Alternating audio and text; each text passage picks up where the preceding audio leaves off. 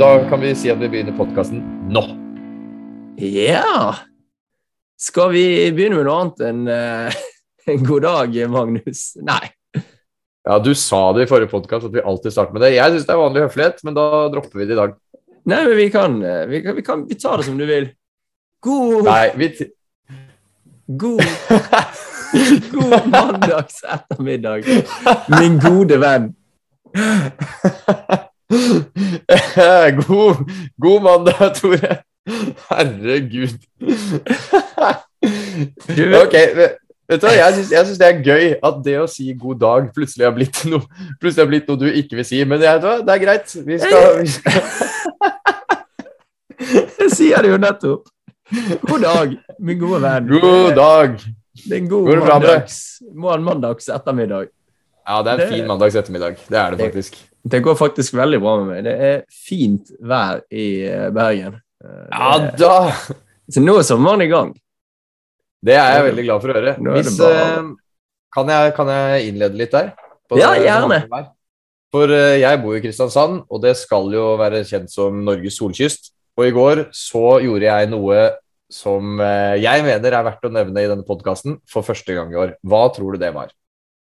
Du grillet. Ja da! For det kunne jo selvfølgelig vært bading, men det har jo folk gjort gjennom hele vinteren, så det er på en måte ikke noe imponerende å gjøre. Men jeg grillet for første gang. Nå er jeg akkurat sånn som utlendingene gjør narr av når de snakker om typiske nordmenn. Drar fram grillen allerede i mars med fleecejakken på.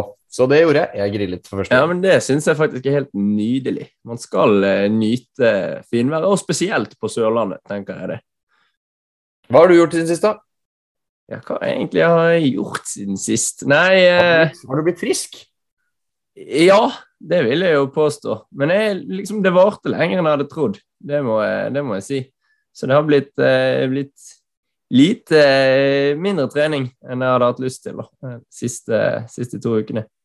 Men du kan si at du har overlevd korona. Du er en korona-survivor. Og det må du si når, eh, når tiden har gått og vi ser tilbake på pandemien. Så kan du si 'jeg fikk det, og jeg overlevde det'. Ja, meg og de 99 andre av oss som har eh, tatt vaksiner, overlevde jo. Så det er jo godt. Det er jo et argument for å ta vaksinen, er det ikke det? Jo, det er vel det. Det er vel det. Ja, for altså motsatt part er jo veldig opptatt av anekdotiske bevis og sånn. Så da kan jo vi drive med det samme da, og si at ja, men jeg tok vaksina, og jeg overlevde, ergo må alle ta vaksinen. Ja, men eh, vi gidder ikke å ha noe pod om antivaksin. Skal vi kjøre i gang med en Nei, skal vi kjøre i gang med en legende, da? Kan vi ikke gjøre det? Jeg er litt spent på han fyren her. But why, some say, the moon? Why choose this as our goal? And they may well ask, why climb the highest mountain? It's gonna be legend. Why, 35 years ago, fly the Atlantic? Wait for it. We choose to go to the moon. We choose to go to the moon in this decade and do the other things. Not because they are easy, but because they are Legendary. Legender lever lenger. En podkast om bemerkelsesverdige enkeltmennesker som har skilt seg ut fra massene og satt sitt preg på historien. Denne gangen kynismens fremste teoretiker og statsvitenskapens far, forfatter og diplomat Nicolo Machiavelli. Det er jo en, eh, en pretensiøst valg av eh, episode, vil jeg si. Og det er ikke sånn at alle i verden nødvendigvis har hørt om denne personen. Men det tenker jeg er litt greit òg, for da er det en, eh, en person som mange kanskje har hørt om, men som de ikke vet så utrolig mye om. Og så vil jeg si også, før vi setter helt i gang, at dette er episode 9. 999, episode Nicolo Machiavelli. Ja, vi er så tørre. Herregud. og eh, jeg påpeker dette i tillegg fordi at eh, jeg har lest en eller annen plass random på nettet. Jeg vet ikke om hvor god fisk man skal ta det for, men i gjennomsnitt så varer en podkast i eh, syv episoder før de legger inn eh, årene. Og vi er på episode ni nå, så eh, ja, det er nydelig. Ja, da har vi klart det, da. Kan vi ikke si det? Jo. Men Deilig, da da. har vi klart det, skal vi legge ned det? Er det du mener? Nei, nei, jeg bare sier at nå kan vi slå oss selv på brystet og si at alle de andre som klappet sammen etter syv, de har vi slått. Vi er en del av eliten nå. Det, det er vi. Ok, men jeg sier jo litt sånn her pretensiøst valg. Men hva har du hørt om Nicolo Machiavelli fra, fra før av? Du, jeg føler jeg har sagt denne typen ting før, og nå høres det ut som jeg ikke gjør annet enn å sitte og spille, men mitt første møte med Nicola, Nicola Machiavelli, det er faktisk fra jeg tror jeg har nevnt dette spillet før òg. Er faktisk fra Assassin's Creed. Jeg lurer på om det er Assassin's Creed 2, som jeg spilte masse på PlayStation 3 da jeg var ung og lovende. Der var Nicolo Machiavelli en av eh, karakterene som var med i spillet. Kanskje det er derfor jeg likte det spillet så godt, for jeg elsket hvordan de blandet uh, historie med, med actionspill. Jeg synes det var dødskult, og Machiavelli han var en beinhard type i det spillet. Hvilken annen karakter var det vi, vi hadde fra Assassin's Creed? Nei, Jeg nevnte jo det da vi hadde om uh, Olav den hellige, at vikingene hadde fått plass i Assassin's Creed, og at Harald Hårfagre var en av karakterene som dukket opp i dette stemmer. Assassin's Creed Valhalla. Men jeg må bare si, jeg spiller ikke så mye som jeg gir inntrykk av nå. Det, selv om min kjære medlåntaker absolutt mener at jeg gjør det. ja, det, det er godt. Var det din Ja, jeg, jeg, ja, jeg, medlåntaker? at, ja, medlåntaker. Og det, det jeg skulle si med Machiavelli, at jeg vet én ting til om han, og det er at han har skrevet bøker, for jeg har en av dem i hyllen. Oi, oi, oi. Og jeg har ikke lest den. Og det skulle jeg jo selvfølgelig det skulle jeg jo selvfølgelig ha gjort, men eh, det har jeg ikke, så jeg håper du kan fortelle meg litt om hvilken bok det Eller om det er en bok jeg burde lese. Ja, vi, vi kommer dit. OK. Så bra. Han er født 3. mai 1469 i Firenze, Italia. Det er jo da en nydelig by i dag, i hvert fall. Men jeg lurer på om den var enda nydeligere da. For da er vi på høyden av den norditalienske renessansen. Firenze det er liksom sentrum av renessansen. Det er store kunstnere, det er store tenkere, mektige familiedynastier. Først og fremst disse Mediciene, eh, som leder an i Firenze. Vi snakker mafiapaver. Vi snakker gullalder for filosofi. Det er selvfølgelig kunst som er nevnt, arkitektur. Bankvirksomheten blomstrer. Fra en mindre rik gren av en egentlig ganske fornem eh, og velstående slekt kommer da eh, Nicolo, lille Nicolo. Og faren, Bernardo, han er til tross for eh, at han er fra en mindre rik grein her av denne familien, så er han doktorjurist. Eh, så det er jo ganske, det er ganske, ganske greit yrke. Ja, det er, det er tittelen sin, det. Det er en fin tittel. Men han er gjeldstynget, da. Så han, eh, han har en fin tittel og en fin familie, men han skylder mye penger. Så han er ikke sånn, han er ikke überrik i det hele tatt, sammenlignet med f.eks. de Medici-gutta. Det er ganske få kilder om Nicolos tidlige barndom, da. Men det antas at faren har hatt et eh, hjemmebibliotek som eh, Nicolo har eh, lest flittig i, og at han har hatt en sånn typisk aristokrati, eh, aristokratutdanning fra, eh, fra Italia på denne tiden. Jeg prøvde å finne ut litt hva de har med der, men har du lyst til å tippe eh, ja, Hva tror du kan inngå i en, eh, i en sånn utdanning? Aristokratbarna. Oi, nei, kanskje noe som har med, med juss å gjøre, eventuelt noe knyttet til politikk, kanskje kunsten å prate, noe retorikk, kanskje? Åh, nydelig. Det jeg har skrevet opp her, det er jo selvfølgelig juss og retorikk. I tillegg til eh, latin måtte de, eh, måtte de lære seg. Kristendommen, kjempeviktig. Og, eh, selvfølgelig. Ikke minst det aller viktigste faget, da. Det er jo eh, historie. Og så er det liksom et poeng som liksom nevnes flere ganger, at han var ikke så utrolig dyktig i gresk. Så det kan jo være han har hatt noe gresk, men altså, jeg tenker det, hvem er dyktig i gresk? Det, Nei, jeg ville tippa grekere. ja, de, ja. Nei, jeg, jeg skal ikke holde på sånn. Jeg beklager. ja, det er mye, mye Det latter så langt. gøy, det ikke Men det, jeg syns det var gøy. Ja, men Vi er i godt humør i dag òg, og da syns jeg det er gøy. Machiavelli, som er sånn streng fyr, i hvert fall sånn ser jeg for meg at han er det, og så er vi i ganske godt humør i dag. Jeg tenker at det er fint med kontraster. Jeg tipper, tipper ikke han syns det var gøy, da. Eh, Men uansett, til tross for eh, litt svake greske kunnskaper, så gjør han en kometkarriere innen eh, politikk og forvaltning. Han får en toppjobb i Firenzes eh, kanselli allerede som eh, 29-åring, med ansvar for store deler av eh, republikkens utenrikspolitikk. Og da er Firenze nå altså en byrepublikk. Det er ikke en del av et samlet, eh, et samlet Nord-Italia eller Italia eller noe i den dur. Det er sin egen eh, stat langt på vei. Eh, før vi begynner å bruke begrepet stater. Men altså, det er en, eh, en byrepublikk. Denne stillingen den får han da i 1498, og beholder han i, helt fram til 1512. Det som må sies, og en av grunnene til at han kan gjøre eh, kometkarriere Noen som har lest om Napoleon nå vil vite at du kan gjøre raskere eh, karriere når det er mye tumulter og omtrent revolusjonære tilstander i, eh, Mm. i området. Og det er det her også. For det er jo de mektige Mediciene som har ledet eh, De har ledet eh, Firenze i mange år, eh, og de veksler litt på å ha varianter av skinndemokrati og rent diktatur. Og så blir de jaget. De blir jaget ut i løpet av 1400-tallet. Og da er det en kar som heter Girolamo Savanorola. Jeg leste rett opp. Og han er en slags eh, geistlig, virkelig eh, troende eh, kristen, kan du si, som eh, ikke lar seg bestikke på noe som helst vis, men han har en del sinnssyke syn på ting allikevel. Jeg, jeg vil nesten sammenligne litt med han der eh, presten i Game of Thrones, som er helt ubestikkelig, men som eh, kjører ganske hardt. Og han Savonarola, han får styre i, i Firenze i en eh, liten tiårsperiode, jeg lurer på om det er syv år, i det som blir kalt Den dydige republikk. Dette her ser jo eh, Machiavelli på, men når han blir eh, også styrtet fordi at han er for, eh, for hard, selv om han eh, er på en måte i dette, i dette kristne Firenze, så har han jo alle de rette meningene. Han lever jo det mest kristne livet av de alle.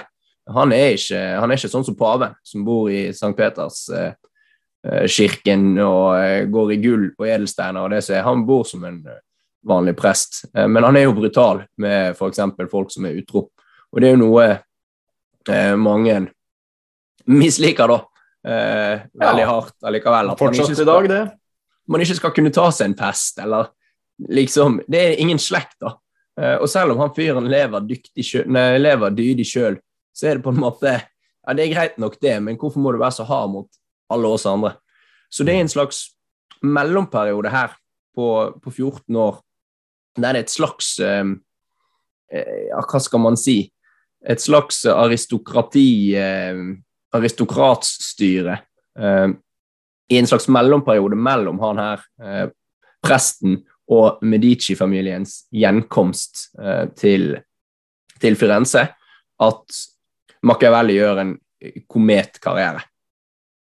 Og her så er jo eh, det å utforme politikk, det er besøke viktige konger og liksom representere byrepublikken utad. Og det er mye eh, gode erfaringer for en 29-åring, eh, som da selvfølgelig blir en, også en 39-åring i løpet av de årene her.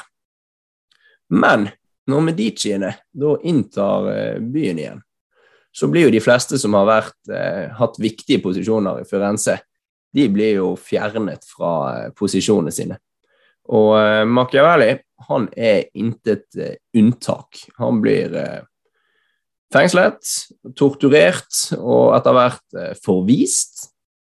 Og det er mens han da er forvist, at han skriver sine to mest kjente verk, 'Fyrsten' og 'Diskorsi'. Begge disse skal vi snakke litt mer om etterpå, eh, og ingen av de ble utgitt i hans levetid i det hele tatt. Kan jeg bare skyte inn at Dette er jo hans definitivt to mest kjente verker, men det er ingen av disse jeg har på hyllen. Jeg eh, måtte sitte og tenke meg litt Ja, nei, jeg måtte sitte og tenke meg litt hva jeg faktisk var jeg hadde der, for jeg husker at jeg har noe Machiavelli. Har du lyst til å tippe hva jeg har? Eh, Jeg skal nevne en tredje bok litt seinere, så jeg vil jo tippe at det kanskje er den. Jeg håper det. 'Krigskunst'. Ja, det er den! Det er helt riktig. Jeg var ikke sikker på om den var spesielt kjent, men jeg tenker på i og med at den er utgitt på norsk, så må den jo være det. Det er jo den tredje av de på en måte store Machiavelli-bøkene. Ok. Det som skjer, nå mens han er forvist og bor utenfor Firenze Han har bo, han bosatt seg ganske nærme, da. Han vil jo, vil jo tilbake igjen til Firenze. Det at han begynner å ta på seg eh, litt småjobber og eh, på en måte finer seg inn gradvis mer og mer med Medici igjen, selv om de har torturert han eh, og, og landsforvist han. Så gradvis så klarer han faktisk å gjenetablere seg. Han får aldri noen rolle igjen på en måte i i, eh, i kanselliet, men han blir i en periode Firenzes offisielle historiker. Og i hans levetid så er det da eh, hans historiebok om Firenze som kanskje er hans mest eh, kjente bok. Eh, og på nytt så får han litt oppgaver innenfor eh, statsforvaltning og utenriksdiplomati, men ikke i, ikke i samme, eh, med, med samme tyngde som han hadde tidligere. Men han begynner å jobbe seg litt opp igjen. Det som er så forferdelig synd for eh, Nicolo Machiavelli, vil du gjette hva det er som skjer i 1527? Nei, han har jo allerede blitt torturert og forvist, så hva kan bli verre? Uh, er det noen han mister? Nei, her er jeg på tynn is, jeg vet ikke. Nei, det som skjer, det er at Mediciene igjen blir jaget fra uh, Firenze. Uh. Burde ikke det være noe han burde bli glad for? jo, det ville jo man trodd, og han sitter og håper på at nå kan jeg få eh, en toppjobb igjen. Men de nye styresmaktene, de er jo eh, Ja, de har jo blitt litt redd for han her Machiavelli som har drevet og finet seg inn og dratt tilbake igjen til Firenze etter en stund og sånn. Så han får ingen, eh, ingen jobb. Han mister til og med de jobbene og den eh, posisjonen han hadde i, eh, Ah. i Medicienes eh, Firenze. Eh, mister all status, all renommé. Og så dør han eh, ganske kort tid etter det, i samme året, da, 1527, som en skuffet og diskreditert, gjeldstynget også eh, mann. Vent, vent nå litt, så han dør her nå, altså? altså Der dør han. kommet dit? Han har dødd, 58 år gammel, Ja. i 1527. Ok. Så eh, vi skal ha mer eh, innhold i episoden. Vi skal snakke litt om eh, bøkene hans først. Så skal vi se på noen eh, korte fun facts om han, og så skal vi eh, gjøre noe litt kjekt til slutt i, i dagens episode. Ja, Men det er den korte livshistorien til Nicolo Machiavelli. Ja, det gikk jammen fort, det, selv om han fikk nesten 60 år her. Ja, jeg kan jo også nevne at det var under Medicien at han skrev eh, 'Krigskunst', den boken du har. Okay. Og det er da sammen med Fyrsten og Diskorsi de tre bøkene jeg skal snakke litt kort om nå. Fyrsten det er jo den klart mest eh, kjente boken hans. Det var den jeg hadde tippet på forhånd at du skulle ha. Eh, Den har jeg sjøl, faktisk. Og den er kort og relativt eh, lettlest. Jeg har lest den for mange år siden, men jeg har ikke orket å lese den eh, på nytt igjen eh, nå. Den handler da om hvordan fyrster, eller prins, prinser som den heter The Prince på engelsk, eller da herskere, burde herske. Hvordan skal fyrstene herske i rikene sine? Eh, og da ikke som man tenker eh, seg først og fremst kanskje for å være en god hersker, ikke for folkets beste, men da for sitt eget beste. Hvordan skal du herske for ditt eget beste? Men er det en slags eh, lærebok? Er det, er det ment, å, ment å være en slags instruks? Her, du har blitt hersker, slik skal du gjøre jobben? Ja. Det er til en, en, en ung ny hersker. Mine, nå husker jeg ikke hvor mange det er, men her har du 60 kapitler om hvordan du skal oppføre deg. Stappfull eh, med tips og eksempler på hvordan du skal skaffe mer makt, opprettholde makten din. Eh, Jeg har kalt den for meg sjøl altså en håndbok i eh, kynisme. Så da er jo det store spørsmålet etterpå, tror du noen av våre kongelige, eller at noen av våre politikere har lest denne boken? Ja, det regner jeg med de har gjort. eh, Eller for å omformulere, burde de? Jeg, jeg tror nesten så å si alle som er noe i verdenspolitikken, har eh, om ikke lest boken, så har de i hvert fall eh, lest eh, resonnementer og fått med seg hva som, hva som er å få med seg fra den boken der. Da. Det er jo stappfullt av eksempler fra både, fra både Romerriket og egentlig også hans egen nære samtid. Det er en annen kar som heter Cesare Borgia, som regnes som på en måte fyrstens eh, Det er den største inspirasjonen eh, til fyrsten. En ganske kynisk kar, da. Men du spør meg om de burde ha lest denne boken eller ikke. For det er jo en, eh, en how to i, i kynisk ledelse. Det som er i dag, er at det diskuteres blant, blant, disse, blant disse lærde om boken faktisk er skrevet for å hjelpe aspirerende fyrster, eller om den er skrevet for at vanlige folk skal kunne se fyrstenes kort. Altså Det er mange teoretikere i dag som mener at eh, at disse herskerne selvfølgelig visste alle disse kyniske triksene fra før, og at dette er egentlig Machiavelli sin måte å gi Og avsløre dem? og avsløre dem på.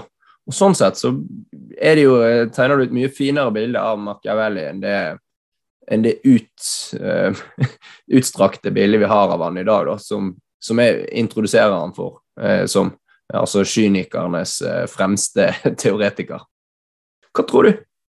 Det om Det handler vel kanskje litt om hvordan vi ønsker å se Machiavelli. Altså om vi har lyst til å se på han som helten eller skurken, hvis man skal forenkle det litt. Mm. Eh, Jeg har jo ikke lest boken, så det blir vanskelig for meg å spekulere, men eh, det hadde jo vært veldig kult dersom det var en slags eh, eh, en slags subtil Se her, folkens, det er slik disse herskerne over dere faktisk gjør det. Ja, det syns jeg i hvert fall er, er veldig kult. Men hvem, hvem vet? Denne boken ble ikke utgitt i det hele tatt mens han levde. Ble Ah. utgitt seinere. Det samme gjelder da discorsi. Eh, Vet du hva det betyr? Ja, det ville jo tippet at det har noe med diskurs å gjøre. Altså, at, ja, det, det ligger vel eh, tett opptil. On point, on point, on point. Eh, discorsi eh, betyr diskurs eller drøftelse. Og mm. denne boken her, det er da, den har jeg ikke lest i det hele tatt, og den er heller ikke lettlest. Eh, der fyrsten er en liten lefse på 150 sider, kanskje, så er diskursi eh, kjempelang. Og når den er gitt ut på norsk, den er gitt ut i, eh, i fire bind for å få med alt. Ja, det er såpass, ja. Da, jeg står over den. ja, den skal, den skal jeg aldri lese heller, faktisk. Men tittelen på denne her, det er, den hele tittelen er ikke bare Discorsi som er på en måte det man bruker om han, men Discorsi, en drøftelse av Titus Livius' ti første bøker.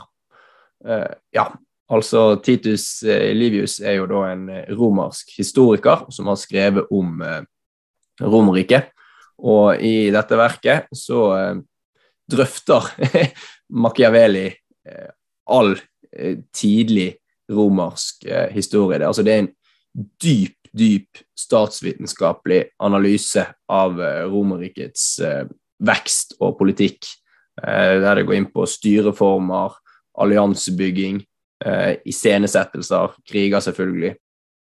Og ja, den er da regnet som eh, som et veldig, veldig viktig verk i det som i dag har blitt statsvitenskap. Så det er på grunn av Discorsi at han regnes som statsvitenskapens eh, far, eh, fordi at han da har skrevet denne grundige, grundige analysen av, av Romerriket. Denne har jo ikke jeg lest, og vi kommer til å ta mest utgangspunkt i fyrsten i, videre i dagens episode. Eh, men den er også eh, enormt kjent innen visse kretser, da. Jeg skal ikke late som at jeg hadde hørt om den før jeg gjorde research til denne episoden, men, men den, skal være, den skal være kjent. Og det er sikkert noen samfunnsteoretikere eh, som hører på podden, som har hørt om boken. Den tredje, det er jo da krigskunst fra 1522. Og det ja, nå er jeg spent. Her kan jo du eventuelt gi meg nok, sånn at jeg slipper å lese boken. Nei, jeg tror ikke du får nok til det, eh, og jeg har heller ikke lest eh, denne boken her. Eh, Jeg tror den er kan du, er Vil du si den er en, er det en liten lefse, eller er det en litt lengre bok enn en 150 sider? Jeg, vet, dette er flaut, men det kan jeg ikke svare på. Jeg husker virkelig ikke når jeg kjøpte boken. Jeg vet bare at den står nede, men jeg tror den er større. Jeg bare tar en sjanse og mener å si at jeg mener den fyller hyllen mer enn det 150 sider gjør, men der kan jeg, jeg bommer totalt, altså. Nei, men jeg, jeg ser for meg at den, eh, at den er større enn eh, Fyrsten. Når du, når du har sett, eh, hørt om Discorsi, så er dette en mann som kan skrive, og som skriver. Det, er han, han, han, det at han er så lettfattet og lettleselig fyrste, det er jo fordi at det er på en måte en liten håndbok. Ja. Krigskunst det er da om militærplanlegging og krigføring. Og hvis du går på eh, Store norske leksikon, så blir han her også omtalt som eh, militærteoriens far. Da er det jo Det har blitt drevet krig veldig lenge før eh, Machiavelli eh, ble født. lenge før han skrev eh, krigskunst. Og det er jo folk som har forsket på hvordan du skal eh, krige langt på vei. Eh, lenge før også krigskunst blir gitt ut. Men det som er med denne boken, på forskjell til, til, mange andre tidligere verk, det er hvordan du skal eh, vi hele Altså bygge hele samfunnet rundt krigføringen, eh, og ikke bare akkurat hvordan, hvilken formasjon står du i, eh, og om det er fornuftig med knipetangmanøver eller overraskelsesangrep, og hvilke sverd du skal bruke. De tingene er ikke så viktige for ham, men det er mer liksom igjen det samfunnsvitenskapelige rundt eh, krigføringen. I tillegg til da selvfølgelig litt om selve krigføringen. De viktigste punktene her, slik jeg har forstått det uten å ha lest boken, det er at angrepskrig det kan være hensiktsmessig, men da må det være godt planlagt, det må være effektivt, helst kortvarig, og så må du i tillegg til å planlegge krigføringen, planlegge eh, etterkrigstiden. At det erobrede området med eh, mennesker og eh, ressurser altså Hvis de skal inn i ditt rike, så må de inkluderes på en eller annen eh, måte, mer eller mindre, for at ting skal fungere. Så der, det, det kan jo se ut som Putin har, har, noen problemer med det, eh, i forhold til den motstanden vi ser i Ukraina i dag, i hvert fall. Hvordan ja, kan dette ende? vi kommer jo ikke bort fra Putin når vi snakker om krig. og Her er det jo helt tydelig at eh, både han og generalen hans kanskje skulle ha lest sin krigskunst. Ja, de skulle visst det. Det andre som er genialt, kan du si, da, det går jo virkelig inn på det med at samfunnet må være rigget for forsvarskrig til enhver tid. Selv, du, selv, selv hvis du ikke blir truet eh, her og nå, så må du være rigget for å kunne forsvare deg ganske raskt.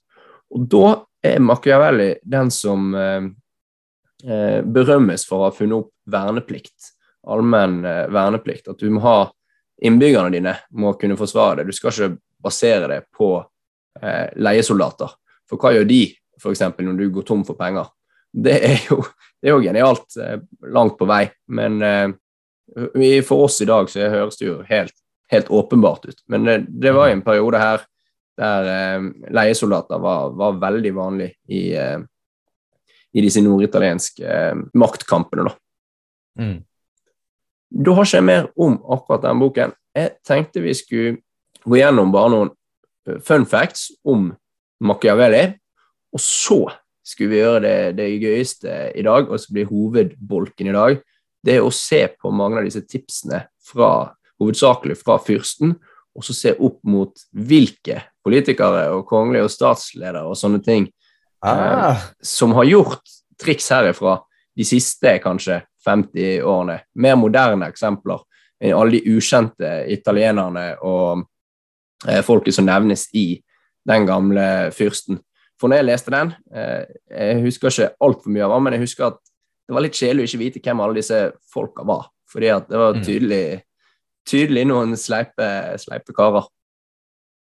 Men jeg, jeg, må jo si at jeg, jeg, gleder meg til fun facts. for eh, Ikke for å snakke Machiavelli ned, men han, han, fremstår som en ganske sånn, en litt sånn kjip type. Ganske sånn hard, mutt jeg, jeg, ser for meg en fyr som aldri smiler. Så det er gøy å høre hva, hva slags fun facts man klarer å få ut av en sånn type. Nei, de, de, få maleriene du finner av ham på nettet, er ikke noen glad ja, kar.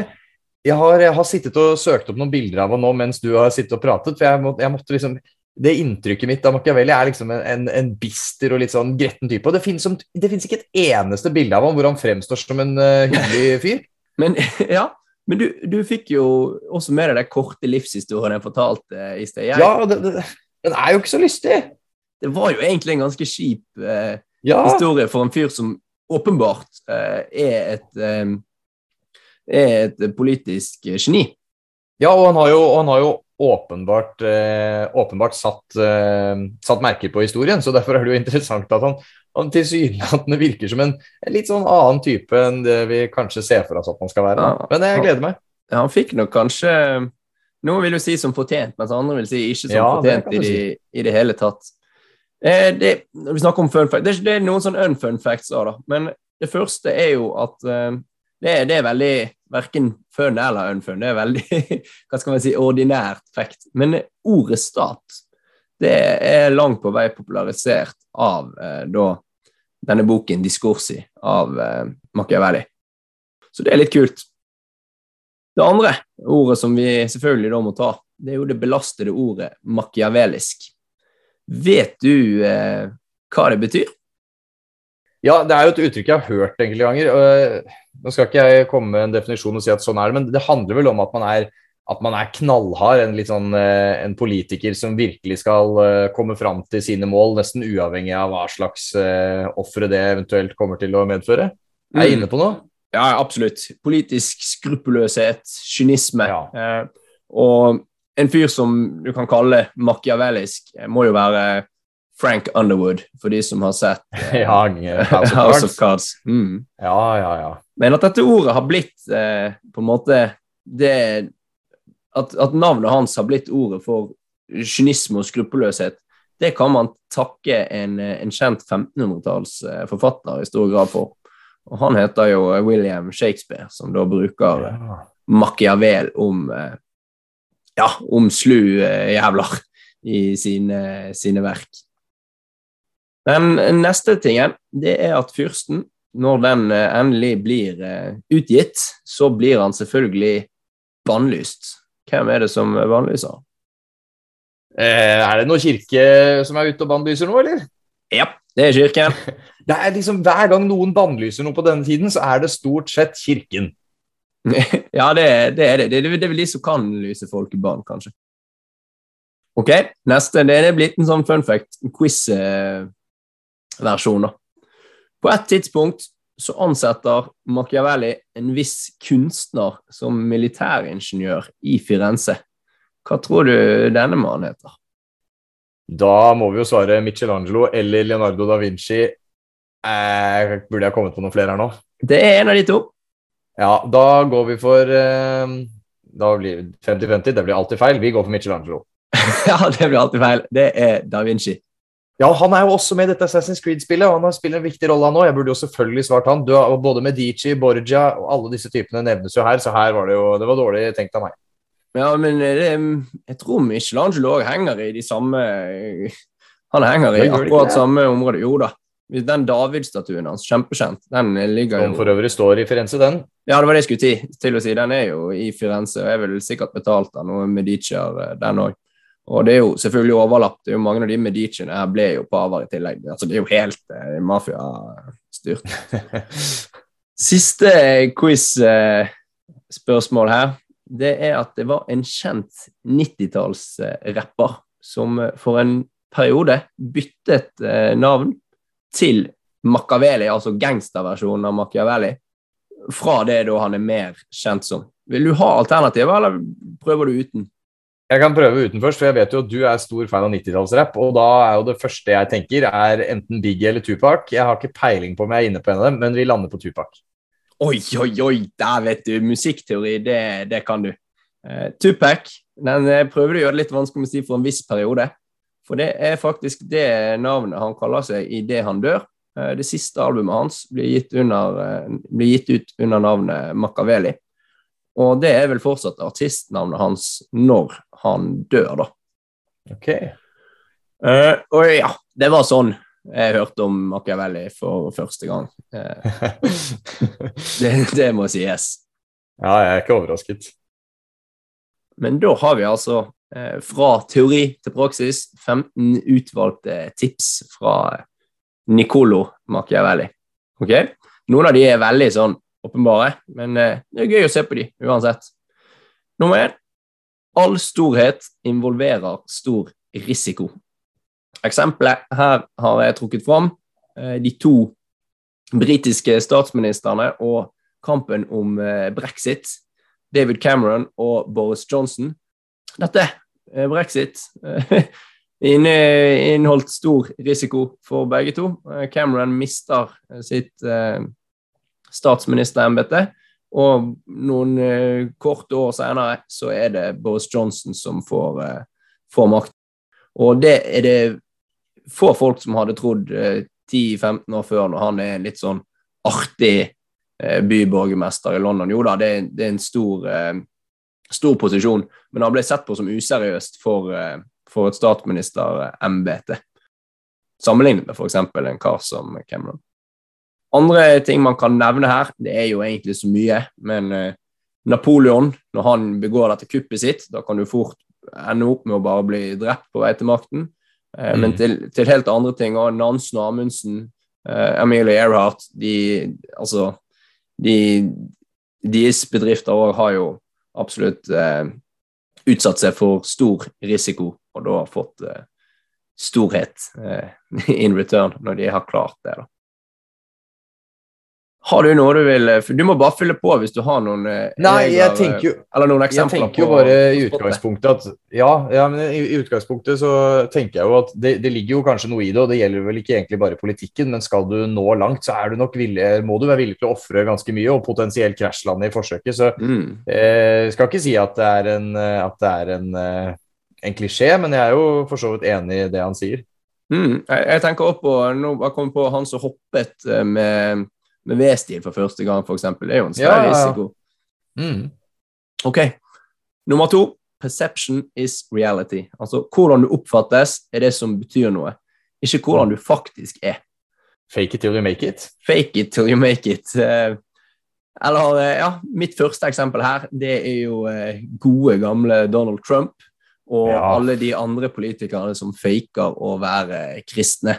Det er, jo, det er jo bare å søke opp han og Bibelen på YouTube. Det er jo morsomt når han, eh, når han står der og skal, skal fortelle om favorittvers og sånne ting. Han, eh, ja, han har ikke lest for mye i den boken, i hvert fall.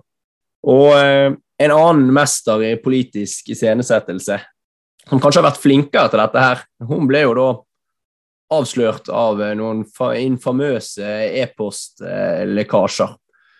Hillary Clinton, der kommer det jo rett fram i e-postene hennes at hun har en offentlig posisjon, en offentlig standpunkt og en et personlig standpunkt i flere saker.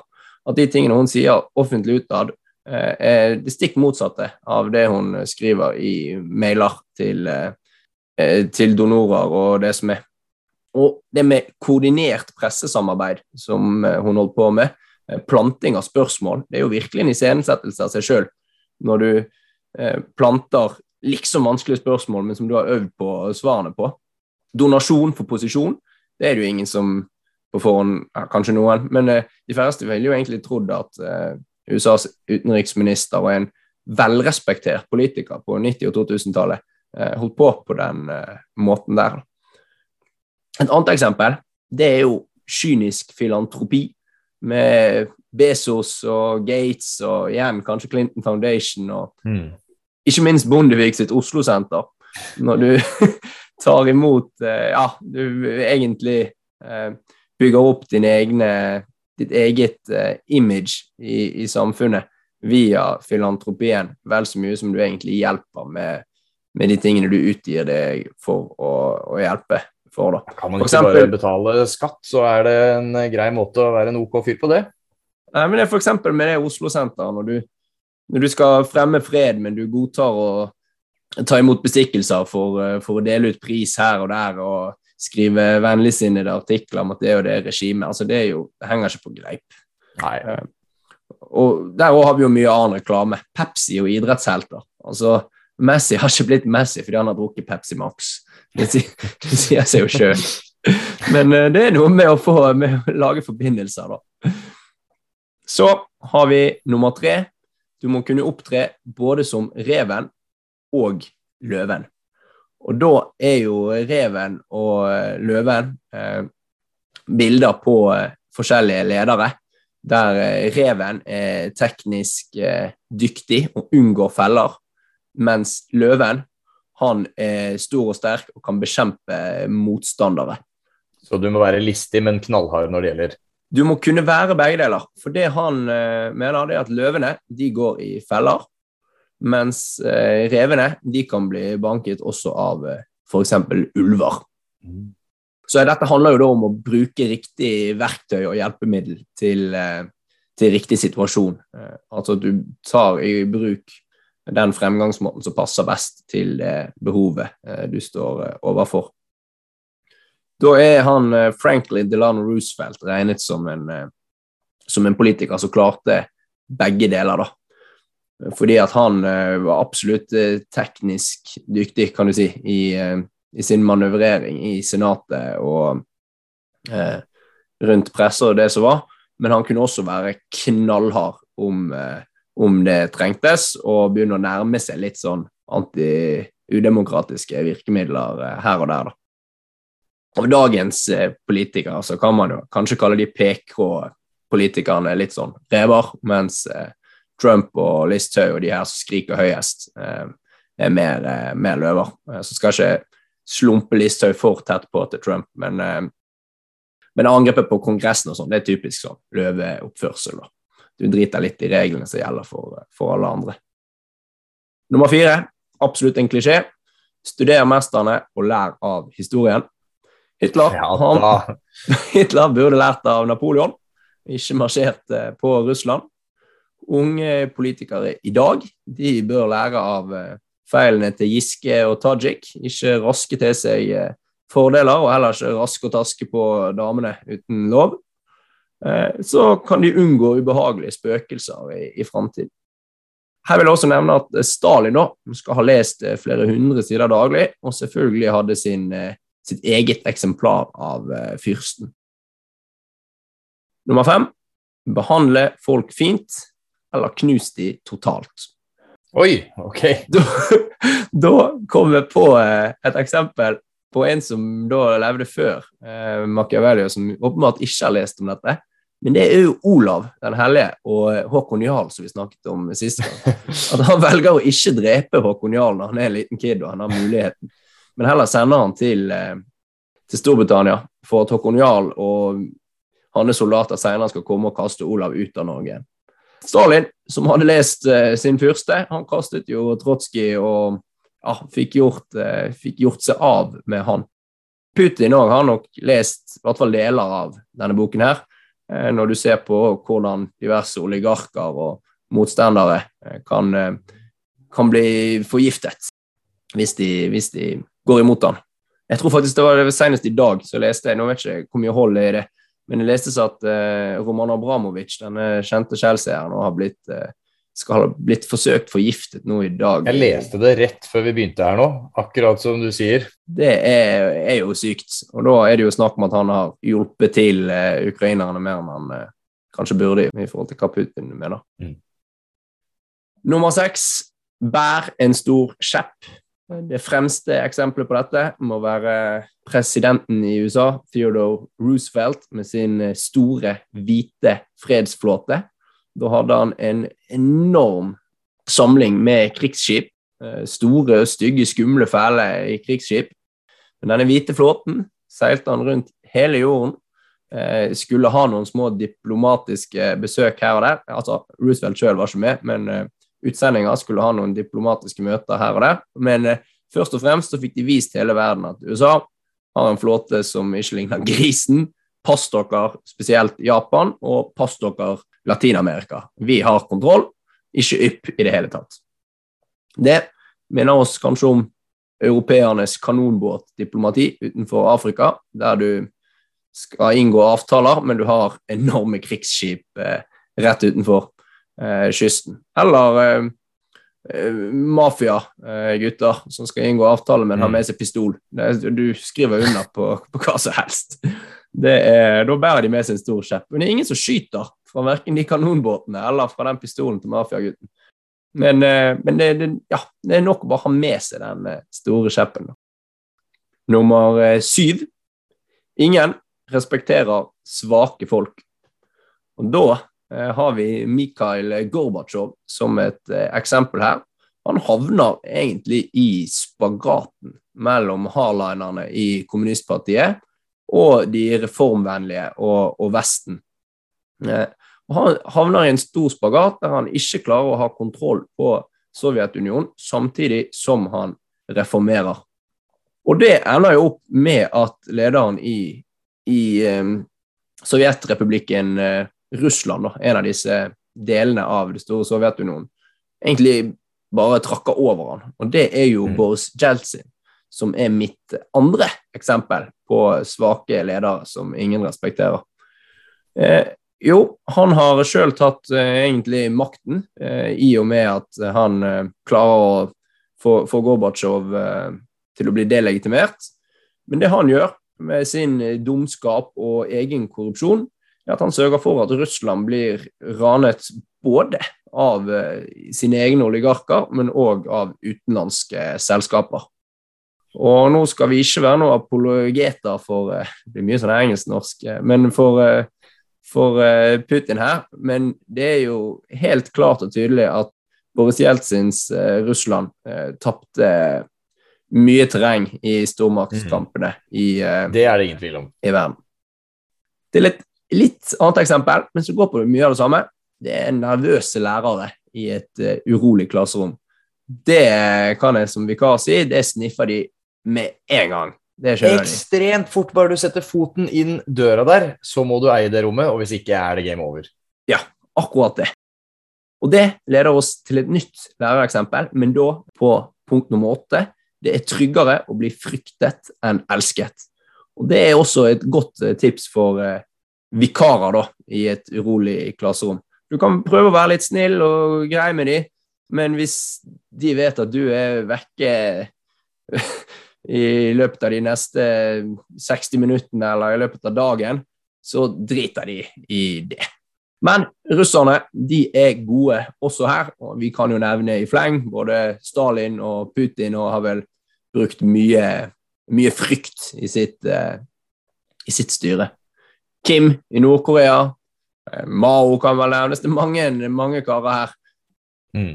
Skal ikke, skal ikke glemme Hitler og Mussolini heller, eller kongehuset i Saudi-Arabia.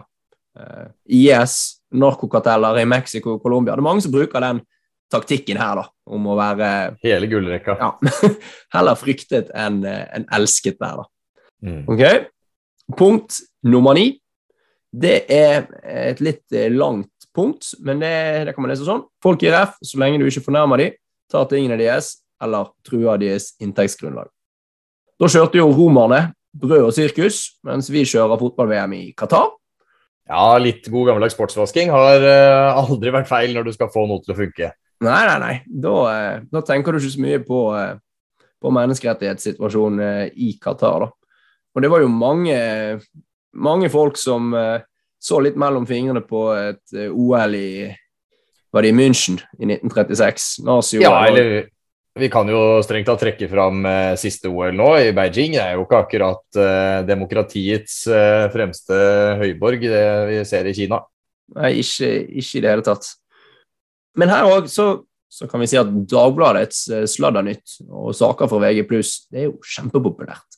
Kjendiser og gurknytt, de får utrolig mye mer oppmerksomhet eh, relativt sett i forhold til da, objektivt viktigere saker som klimautfordringene, eh, press på ytringsfriheten, utstrakt eh, korrupsjon blant toppledere, typ Panama Papers, disse tingene her. Eh, Det er rett og slett undersøkelser eh, i aviser som gjør at folk vil ikke lese så mye om dette her. Eh, Klimautfordringene er ikke sexy. VG pluss er sexy. De fleste gjør narr av det, men altså, det går rundt eh, for en grunn. Altså, mennesker eh, liker sladder. Nummer ti. Søk vennskap blant de rike og de mektige. Det gjorde jo Borgia til, eh, til gangs i sin tid, men det er jo også noe vestlige politikere holder på med gang på gang i selskap med diktatorer. Det går jo litt over på Mhm. det her med, med, med brød og sirkus òg, men det, her vil jeg jo si at det er jo ingenting som forener toppledere på kryss og tvers av partier og landegrenser som det kong Salman av Saudi-Arabia gjør. Om det er Obama, om det er Trump, Putin, eh, Håkon Magnus, Mark Zuckerberg, Bill Gates altså, Folk henger med han og koser seg, og da er det liksom, da klarer vi å overse det meste. Ja, som en og annen sabelhenrettelse på gaten. Ja, det, det er ikke så viktig der og da. En annen som har benyttet seg av dette her med å søke vennskap blant de rike og de mektige, det må jo være eh, Jeg skal ikke si godeste, men eh, jævligste Jeffrey Epstein. Han har jo bygget mye av makten sin på å hele tiden være connected til, eh, til rike og kjente folk. Så at han har hengt med f.eks. Kronprinsessen i Norge Jeg tror ikke kronprinsessen har visst om noe som helst. Men Epstein har jo visst at hvis han kan knyttes til celebre personer, så vil det være mye vanskeligere å eh, skulle rive ned hans eh, hva skal man si, skitne imperie. Og også at han da skal kunne få hjelp av eh, diverse av disse karene. Nå er det jo urettferdig å trekke fram kronprinsesse Mette-Marit for liksom to-tre møter i, i, Oslo og New York eh, som Epstein har tatt, tatt kontakten til. Men det jeg vil med få fram, det er jo at han også faktisk da søker vennskap blant rike og mektige eh, personer. Hvorfor skal han ellers ta kontakt med henne? Han hadde ikke tatt kontakt med henne hvis hun var en eh, vanlig sørlending og som aldri giftet seg med kronprins Haakon. Men til noe mye lettere igjen featuresanger i musikk, i rapp f.eks. Det er knallbra å få Eminem med på sangen din. Da vil du få utrolig mye mer lytt om med, enn om du har med meg. Eh, da får du ikke noe gratis. Ikke snakk deg selv ned, Tore. Nei, det, det, skal ikke jeg gjøre.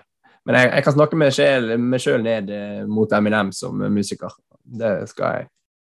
Smarte folk ansetter smarte folk. Det er regel nummer 11, som Machiavelli levde opp til sjøl med å ansette Leonardo da Vinci. Mm. Her kan vi også trekke fram eh, eh president i USA, er Eisenhower, kjent for The Hidden Hand Presidency. Han styrte liksom litt i bakgrunnen, eh, men, mens hans dyktige folk styrte landet og hadde, hadde sine, sine felter, så hadde han bare oversikten. Og det er jo noe som gjenkjenner gode ledere, uansett om det er presidenter eller hva det er. Og jeg vil jo trekke fram Alex Ferguson fra fotballen her, og en mann som har fått eh, ja, virkelig fått mye til eh, med, med, rekruttering og rekruttert eh, riktige folk i riktige posisjoner i en årrekke.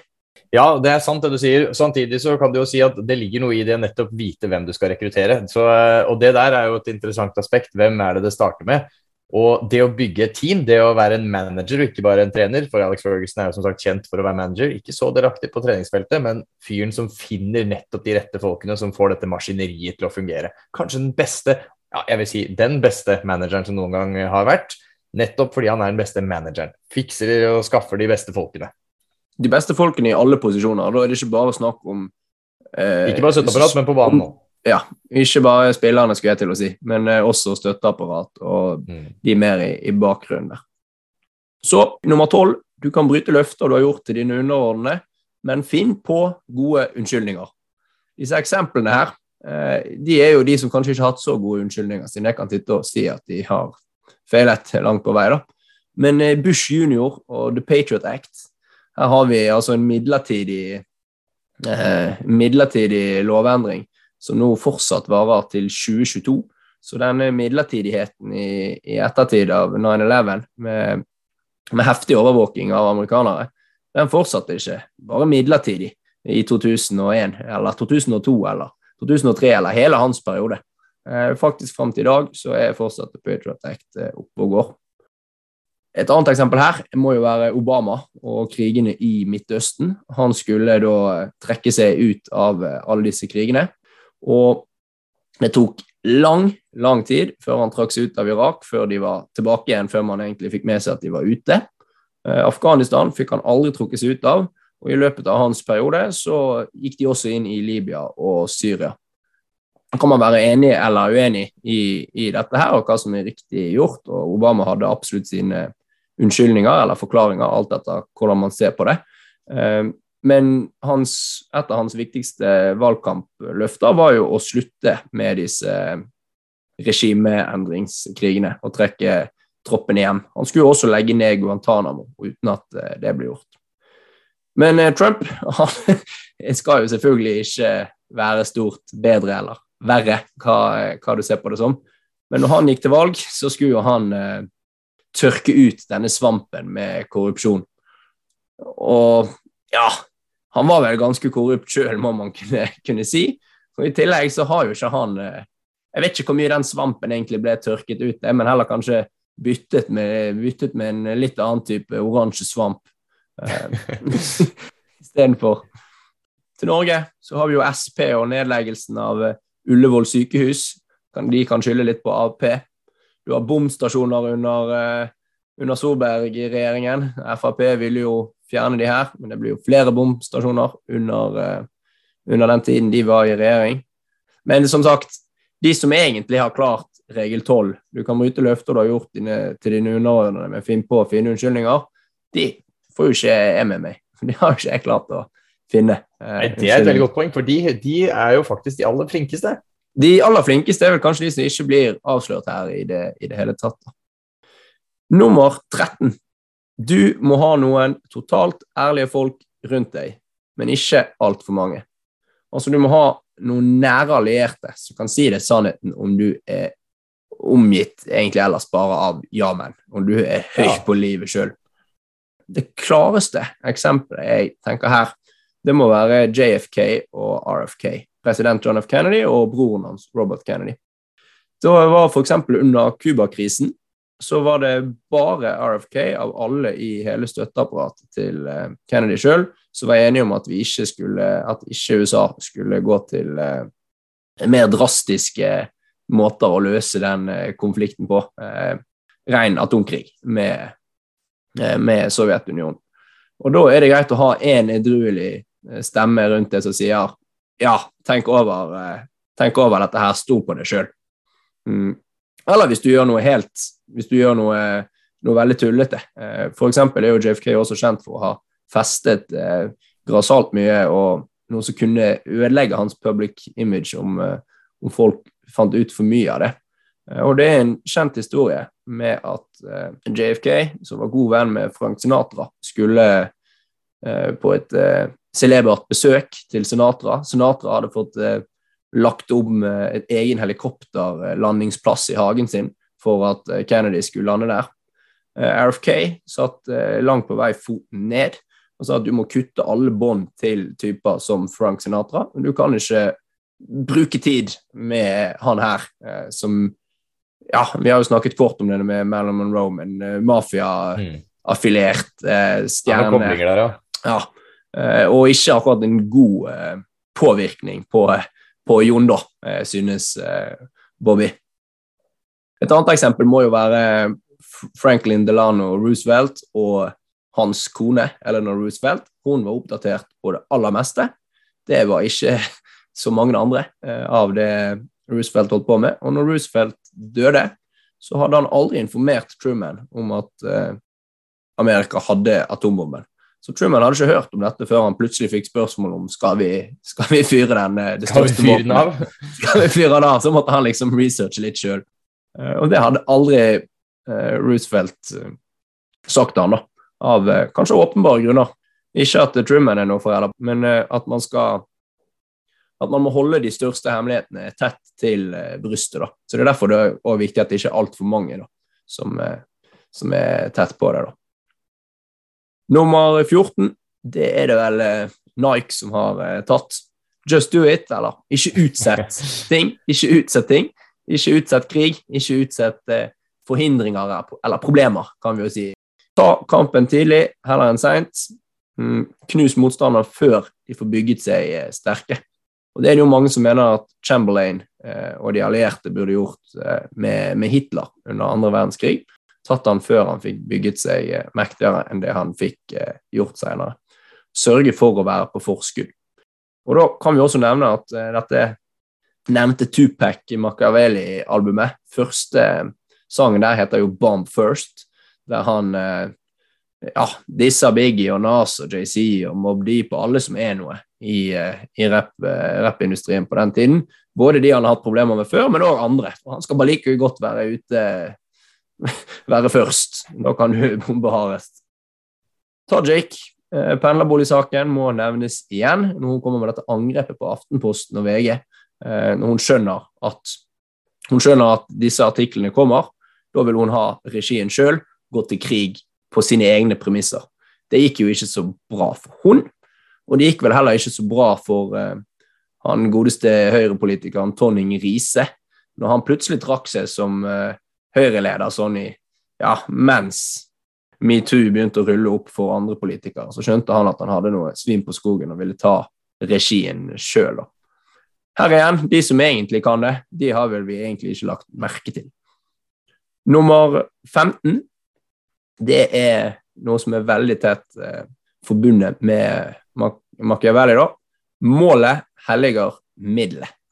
Ja, den er kjent. Bush ville endre regimet i Irak, og krigen mot terror er basert, var basert, eh, den originale angrepet på Irak, på en del feil informasjon som myndighetene i USA har måttet vite var feil. Men målet er helliget middelet. De vet at de lyger i FN. Det har Colin Powell vært ute og sagt siden. Eh, men de mener at Saddam Hussein og det regimet er så gale at det må, må tas affære, selv om det er på feilaktig eh, basis. Kirkemagi i middelalderen, når de lager sånne triks inni kirken, så gjør de det for at folk faktisk skal tro. Men nå må de bare hjelpe de troende litt på vei for å se mirakler. Det samme så kan du vel, mens vi er inne på religion, korstog, jihadister De vet at de gjør mye galt, men det er igjen målet som helliger middelet. Nå er det jo veldig mye drastisk og kjipt jeg har trukket fram som eksempler her. Men også de allierte eh, under andre verdenskrig, den kodeknekkingen, når de velger at noen skip de må bare bli bombet selv om vi kan hindre de i det, eh, for at vi ikke skal avsløre for tyskerne at vi faktisk kan at vi har knokket Kondes. Ja, eller eventuelt faktisk også noe så enkelt som det å slippe de atombombene som de vet eller var klar over ville medføre enormt store tapstall, men som eh, likevel hadde, hadde, det formålet å få en effektiv slutt på krigen. Ja, det er også et godt eksempel der, eh, der Truman eh, har ment at målet helliger middelet. Da har vi vært gjennom 15 triks. Bruk de med Bruk de med omhu, tenker jeg. Putt Putin er fortsatt en kødd. Eh, har vi en eh, toppliste? Vi har en toppliste, og siden jeg har vært i Firenze og også Italia, som for øvrig må sies å være et av verdens deiligste land, så hadde jeg i utgangspunktet tenkt at listedag skulle være de topp tre beste italienske matrettene. Men da jeg satt og skulle bestemme meg for dette, så innså jeg for det første at det er en nesten umulig oppgave, fordi jeg elsker nesten all italiensk mat. Og så ble jeg sittende Ja, for eksempel så ble jeg sittende og se på en liste over italienske oppfinnelser, og den er ikke veldig kort. Den er Oh. overraskende lang, og det er jo selvfølgelig fordi at når vi setter opp listen topp eh, 10 eller topp 100 italienske oppfinnelser, så tar de selvfølgelig med rubbel og bit fra den italienske halvøy. Fra langt før det i det hele tatt het Italia. Det syns jeg må være greit. Derfor så har jeg plukket ut fra denne deilige listen, som jeg for øvrig hentet på Wikipedia nå, altså en alfabetisk liste over italienske oppfinnelser, så har jeg hentet fram tre oppfinnelser som jeg personlig setter veldig stor pris på.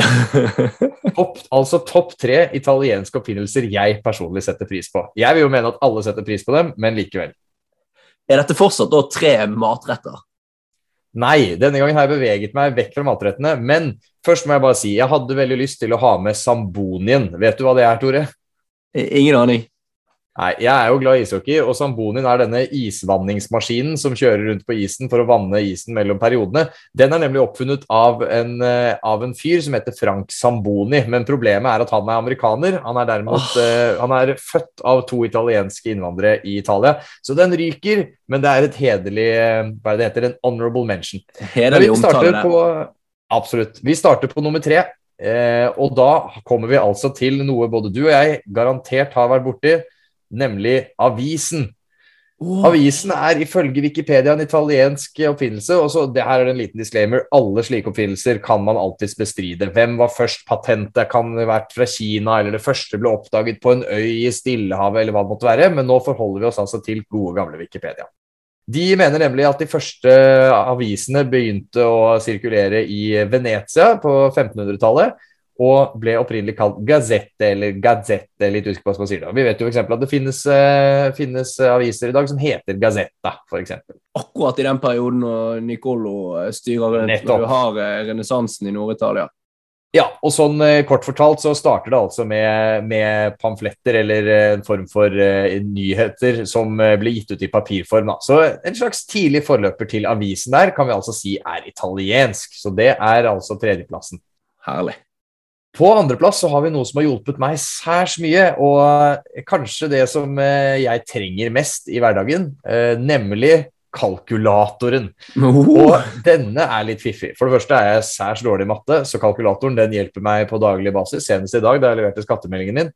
Men her også kan man selvfølgelig debattere hvem som egentlig har laget kalkulatoren, for her finnes det jo gode, gode indisier på at den oppsto i det gamle Hellas og hele pakken. Men det såkalte Programma 101, som er eh, en, eh, en programmerbar kalkulator, den ble altså laget av Pier Giorgio Perotto og, og eh, ja, et eller annet lag eller en gjeng med andre produsenter som laget denne kalkulatoren, altså en programmerbar kalkulator på 60-tallet. Og hvem hadde ikke klart seg uten kalkulator i dag?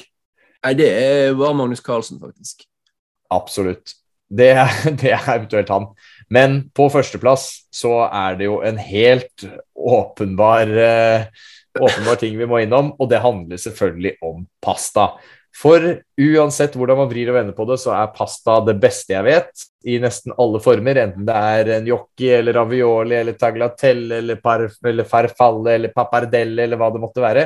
Pasta er noe av det beste som fins i hele verden. Og mange bestrider det at pastaen er fra Italia, noen hevder at den er fra Kina, og at Marco Polo tok den med seg tilbake til Europa. Andre mener at det bare er visvas, men det finnes gode, gode signaler på at det fantes en slags pastalignende rett, jeg ville kalt det nudler, i Kina lenge før pastaen ble oppdaget i Europa. Uansett, pastaen den krediteres til Italia, og det vi i hvert fall vet, er at de første pastafabrikkene, altså industrialiseringen av pasta, den er fra Italia. Og i 1740 så er det en venezianer som heter Paolo Adami som åpner den første pastafabrikken. Videre og derfor så kan vi si at de eldste pastafabrikkene i verden, de er fra Italia. Derfor så gir vi denne til Italia. Og pasta, altså industrialisert pastaproduksjon, det får altså førsteplassen i Altså- denne topp tre italienske oppfinnelser-listen. Altså, selvfølgelig er pasta italiensk. Det er perception Ja, ja, ja, is ja, ja. reality. Så det, det, Helt enig. Machiavelli ville sagt at dette var italiensk. det, det vil han. Og så ville Ja, han har eh, du- sett litt snurt ut, og så hadde han gått og lagt seg. Absolutt. Drukket litt lunka vann før han la seg der. Men eh, hva Ja, tenker du om listen, eh, listen, Tore? Er det noen av disse du tenker absolutt ikke hører hjemme på en topp tre-liste?